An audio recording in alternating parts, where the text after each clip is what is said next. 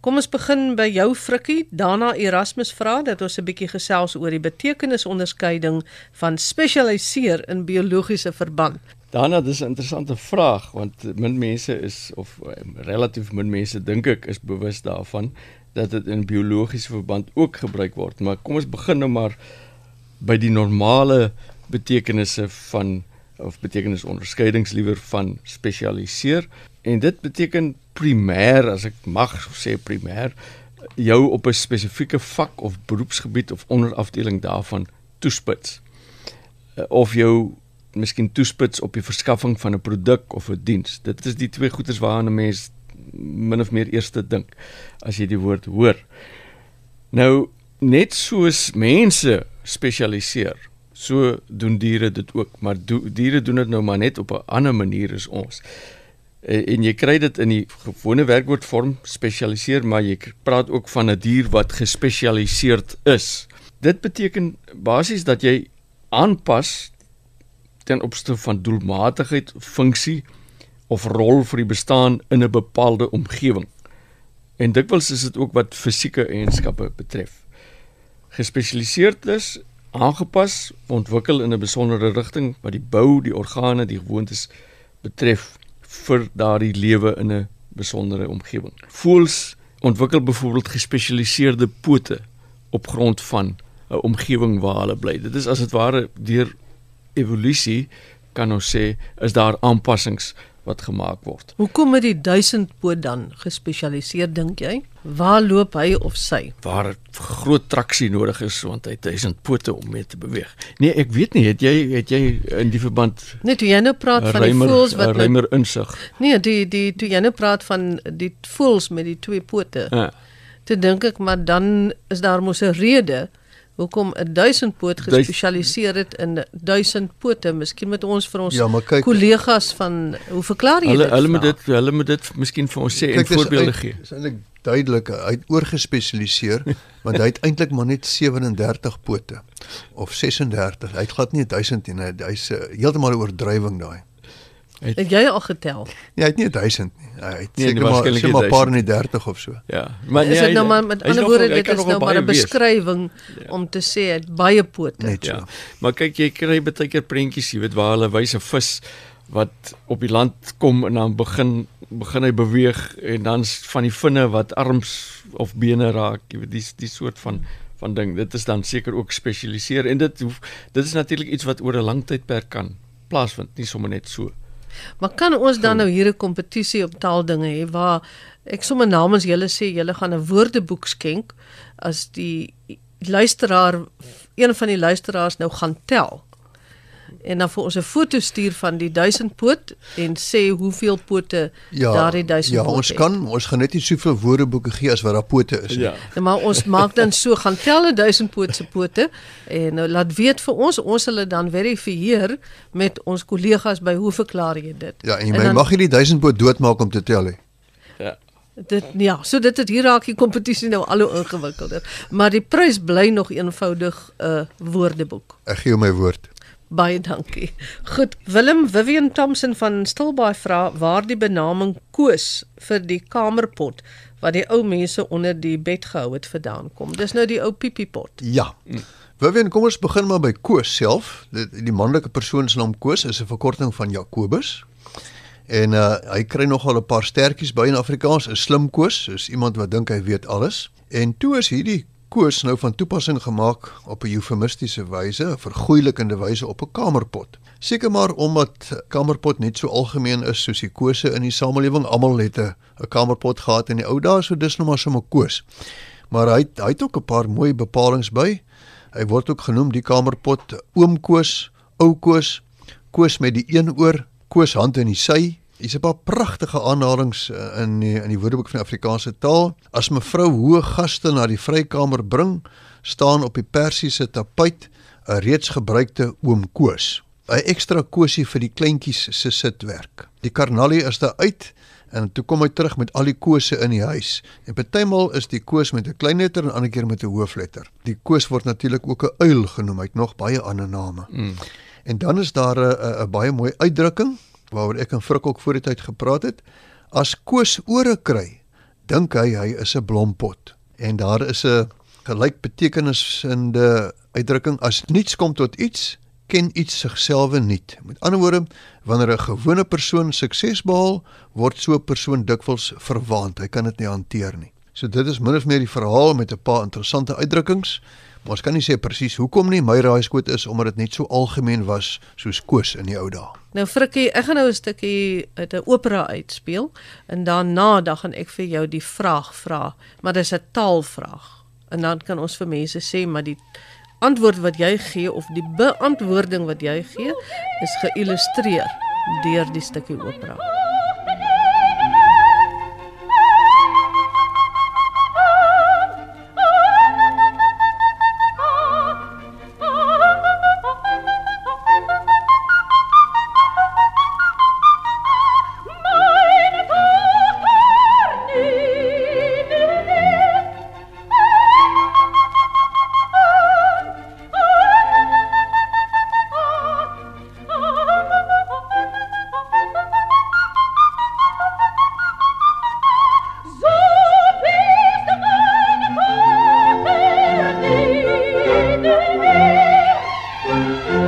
Dit was dan Mimi Koortse, 'n bekende koloratuur met die koningin van die nag. En dit bring ons nou by die vraag aan Frikkie en ek gaan nie vra vir jou om te sing nie Frikkie, moenie bekommerd wees nie. Baie dankie. Jy moet nou 'n taalnavraag beantwoord oor waar kom die woord koloratuur vandaan en dan wat dit beteken.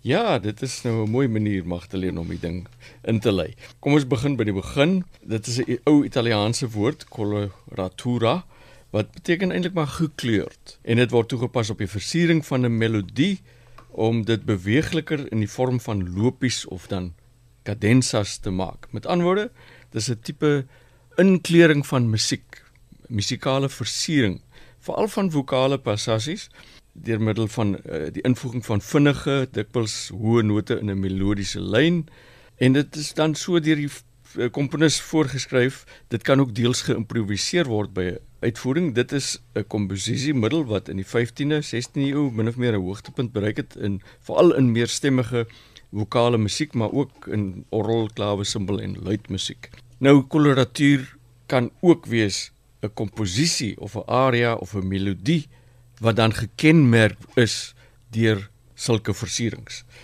Verder en hier kom ons nou by Mimi Kurtse kan dit beteken iemand wat veral 'n goeie stem het om hierdie tipe vinnige passasies lekker te sing. Jy praat dan ook van 'n koloratuur stem. En baie hoë baie wat jy passasies. baie hoog kan vinnig uh, gaan. So 'n uh, koloratuur stem en daar word ook daarvan gepraat as koloratuur is 'n gespesialiseerde stem wat met 'n effens ligte kwaliteit wat 'n 'n hoë omvang het, vinnige lopies, skoon en akkuraat as dit ware kan uitvoer soos 'n instrument. Uh net 'n voorbeeld wat oom uh, Wyle Conde Villiers geskryf het, hy sê Pescia het in Rome 'n baie netjiese koloratuur aan haar hoë register toegevoeg. Met ander woorde, sy het 'n koloratuur stem gehad wat sy toegevoeg het. En dan die sangeres uh, wat meer bepaald uh, sopran was wat in die koloratuur gespesialiseer is, uh, het is ook 'n koloratuur genoem. Willem Baren van Graan wil weet of daar 'n woord soos ligreën bestaan wat die verskynsel beskryf wanneer dit reën terwyl die son skyn. Ja, Baren vertel dat toe dit nou onlangs so hard gereën het in Gauteng, toe kom die son skielik uit terwyl dit nog reën en dadelik het sy 5-jarige kleinseun opgemerk: "Kyk mamma, dit ligreën." Nou ons ken die uitdrukking as die son skyn en dit reën as jakkals trou met wolf se vrou. Nou vra Barend, bestaan daar so 'n woord soos ligreën, 'n soortgelyke woord vir hierdie verskyning dat daar gelyktydige sonskyn en reën is? Nee Barend, dit is 'n baie treffende skepping deur jou kleinseun, maar ek wil nou nie die deur oopmaak hier 'n verbydraes oor kindertaal nie. Tog wil ek sê dat daar verskeie groot taalkundiges was wat deur hulle kinders geïnspireer is om 'n studie te maak van kindertaal wanneer hulle hierdie kreatiewe fase ingaan. So ons is wel bewus hiervan en ehm um, mense moet tog maar die beste daarvan maak skryf neer uh, wat jou kinders sê dis kosbaar maar ons kan nie die deur oopmaak dat almal vir ons daarvan vertel nie, maar ek wil tog een staaltjie vertel. 'n Onderwyseres het my onlangs gebel en gesê sy het met haar graad 3's gepraat oor idiome. En die volgende dag toe kom die seentjie ingehardloop in die klaskamer voor die skool begin en sê: "Juffrou, juffrou, ek het my eie idioom gemaak." Sy sê: "Ja." Hy sê: "Juffrou, my idioom is: 'n reënboog het op jou geval." Hy sê juffrou, en jy sê dit vir iemand as hy baie kleurvol aangetrek is. Oh, nou, baie knap. Absoluut fantasties, né? So dit bestaan, koester dit ouers. En dit is hoe 'n taal natuurlik ontwikkel en die woordeskat Uitbrei. meer beskrywend word Ja, en en uitbrei. Wat Ja. my nou laat dink aan ehm um, die seentjie wat in die klas gevra is om 'n sin te maak met die woord halstarrig. Toe sê hy mos juffrou my ouma halstarrig asem. Ja. Frikkie, moet 'n mens sê iemand was geslaan of iemand is geslaan? Vra Gert Karsten. Ja Gert, ek antwoord jou nou direk ook sommer hier uit die Haat se taal en feite gids wat deur uh, kollega en vriend Tom McLaughlin geskryf is. Want die twee werkwoordjies gee vir mense probleme, veral dan ook as hulle in die leidende vorm geskryf word, met ander woorde sogenaamde passief sinne gebruik word. Twee sake hier is van belang. Die eerste is om te onthou dat as 'n mens in die Engels is sou gebruik. Byvoorbeeld uh, in South Africa too much water is wasted every day. Dit wil sê dit's nou 'n passiefsin dan in die teenwoordige tyd. Dan gebruik 'n mens in Afrikaans die woord word. Te veel water word elke dag in Suid-Afrika vermors. Indien Engels egter was sou gebruik. Byvoorbeeld in the past too much water was wasted in South Africa. Dan gebruik ons in Afrikaans is en nie was nie. In die verlede is te veel water in Suid-Afrika vermors. En ons moet dit bietjie onthou want ons hoor heeltyd was gewees of was gedoen of uh, waar ons net kon kan sê normaalweg is gedoen as jy dan nou in die leidende vorm of in die passief moet praat.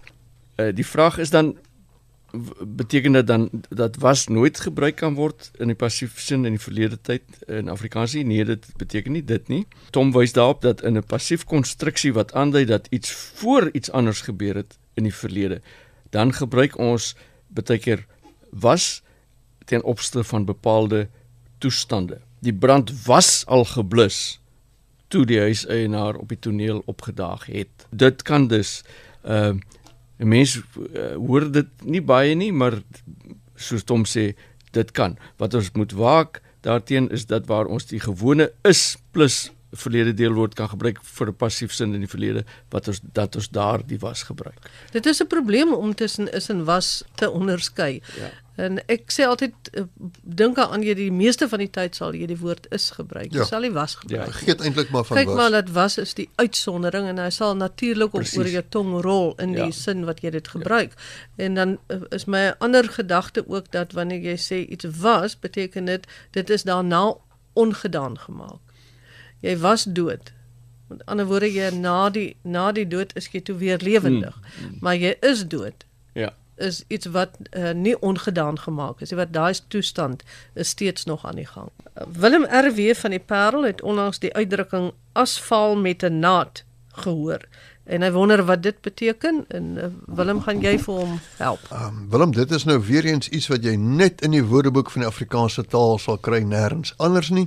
Asfaal het vier betekenisse. Eerstens vaal soos die kleur van as, die asfaal ou Karoo en dan as 'n soort van 'n intensief of 'n versterkende vorm om asfaal van die honger te wees, asfaal van die stof en dan 'n derde betekenis asof dit jou nie aangaan nie, asof jy nie regtig betrokke is nie, asof jy doodonskuldig is.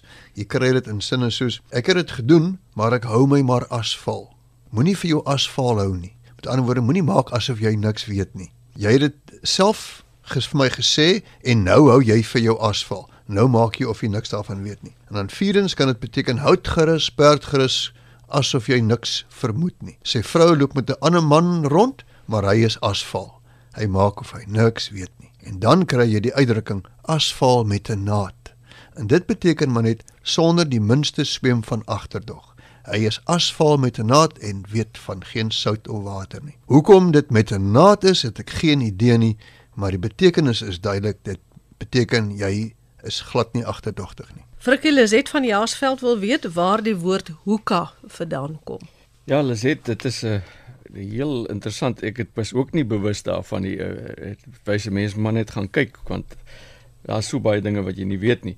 Nou hoeka word gebruik as 'n as 'n substantief waar dit kan beteken die verre verlede en ook 'n bywoord waar dit beteken miskien maar net lankal of lank gelede. Nou, die voorbeeld van van 'n substantief, 'n selfstandige naamwoord is sê maar van hoeka af. Hy is van hoeka af is hy al lus om hierdie ding te doen. Met ander woorde, hy is van die verre verlede af al is hy lus om dit te doen. En as jy sê jou koffie is al hoeka ingeskink en is seker nou al teen die tyd koud, dan is dit bywoordelik en dit beteken al lankal, lank gelede. Ons het nog 'n gebruik wat ons van hoeka ken uh, waar dit beteken bywoordelik reeds of juis of inderdaad ek is hoeka nie lus om te gaan nie. Ek is reeds nie lus om te gaan nie of ek is juis nie lus om die ding by te woon nie. Nou waar kom dit vandaan? Dit kom uit nama, huga.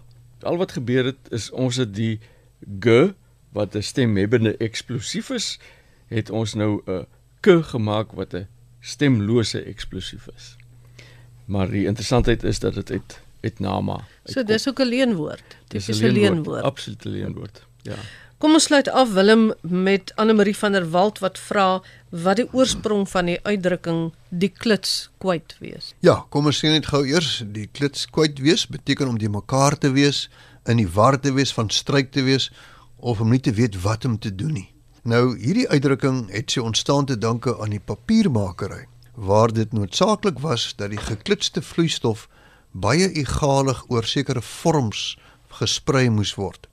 As iemand van die papiervloeistof gemors het of daarvan kwyt geraak het, is gesê dat hy die klits kwyt geraak het. En hierdie klits is die gemengde vloeistof, dit wat geklits is, want klitsen in Nederlands beteken om te meng, om te klop tot 'n mengsel. So die klits is maar net eenvoudig dit wat geklits is en wat nou gesprei word oor die vorms. Baie dankie daarmee die einde van ons taal navraag vir vandag. Baie dankie aan die kind, kundiges Dr Willem Botha en Dr Frikkie Lombard en ek wil nou net vir julle vra, julle is nog altyd besig met die woordeboek. Julle het nou al mense aangestel ook en julle het nog altyd geld nodig neem ek aan. Absoluut, Willem kan beter daarop ja, antwoord. Ja, ons het 'n baie uh, ambisieuse plan, die 10 jaar plan vir die voltooiing en uh, ons het mense aangestel. Ons kort nog 'n hele paar miljoen, maar ons is vol vertroue dat die mense hierdie poging gaan ondersteun want dit is 'n daadwerklike poging en uh, ons het baie baie knap mense aangestel pas.